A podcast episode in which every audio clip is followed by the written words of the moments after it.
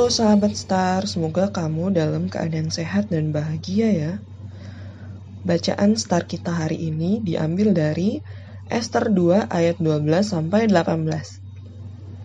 Tiap-tiap kali seorang gadis mendapat giliran untuk masuk menghadap Raja Ahasiweros, dan sebelumnya ia dirawat menurut peraturan bagi para perempuan selama 12 bulan, sebab seluruh waktu itu digunakan untuk pemakaian wangi-wangian, 6 bulan untuk memakai minyak mur, dan 6 bulan lagi untuk memakai minyak kasai, serta lain-lain wangi-wangian perempuan.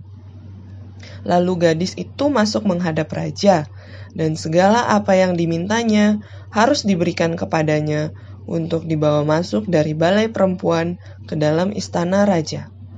Pada waktu petang, ia masuk, dan pada waktu pagi ia kembali. Tetapi sekali ini ke dalam balai perempuan yang kedua, di bawah pengawasan Saasgas, sida-sida raja, penjaga para gundik, ia tidak diperkenankan masuk lagi menghadap raja, kecuali jikalau raja berkenan kepadanya dan ia dipanggil dengan disebutkan namanya.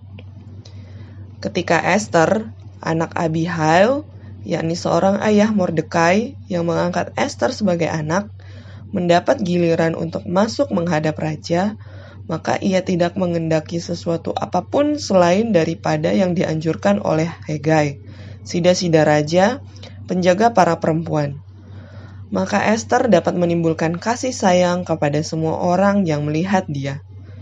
Demikianlah Esther dibawa masuk menghadap Raja Ahasiweros ke dalam istananya pada bulan yang ke-10, yakni bulan Tebet, pada tahun yang ketujuh dalam pemerintahan Baginda. Maka Esther dikasih oleh Baginda lebih daripada semua perempuan lain, dan ia beroleh sayang dan kasih Baginda lebih daripada semua anak darah lain. Sehingga Baginda mengenakan mahkota kerajaan ke atas kepalanya dan mengangkat dia menjadi ratu ganti wasti.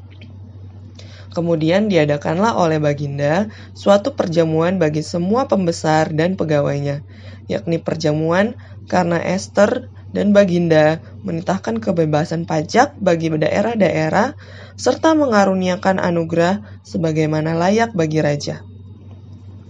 Adik-adik, untuk Star Agustus ini ada bacaan Alkitab dari Mazmur 135 ayat 6a. Tuhan melakukan apa yang dikehendakinya. Begitu banyak perempuan yang harus dipilih baginda raja, tapi melewat perkenanan Tuhan, Esther dipilih untuk menjadi ratu. Pada masa itu, eh, wanita-wanita dan orang-orang Yahudi juga akan dibunuh sesuai usul Haman. Namun, Ratu Esther meminta pembelaan dari Tuhan untuk membela mereka yang lemah. Maka, eh, Ratu Esther akan didengar doanya dan juga dikabulkan permintaannya oleh raja.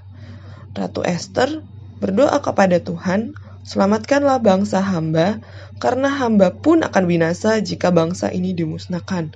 Karena Ratu Esther juga orang Yahudi. Adik-adik, bagaimana akhir dari kisah ini? Apakah raja mengabulkan permintaan Esther? Jika itu perkenanan Tuhan, Tuhan pasti membela kita untuk mengabulkan permintaan kita. Jika kita di pihak Tuhan, Tuhanlah pembela kita. Ratu Esther berdoa memohon perlindungan Tuhan. Buatlah satu doa memohon perlindungan. Adik-adik, mari kita bersatu dalam doa. Bapa di surga, terima kasih karena Tuhan mau membela kami yang lemah. Kami percaya Engkau telah merancangkan yang terbaik bagi kehidupan kami. Dalam nama Tuhan Yesus, amin.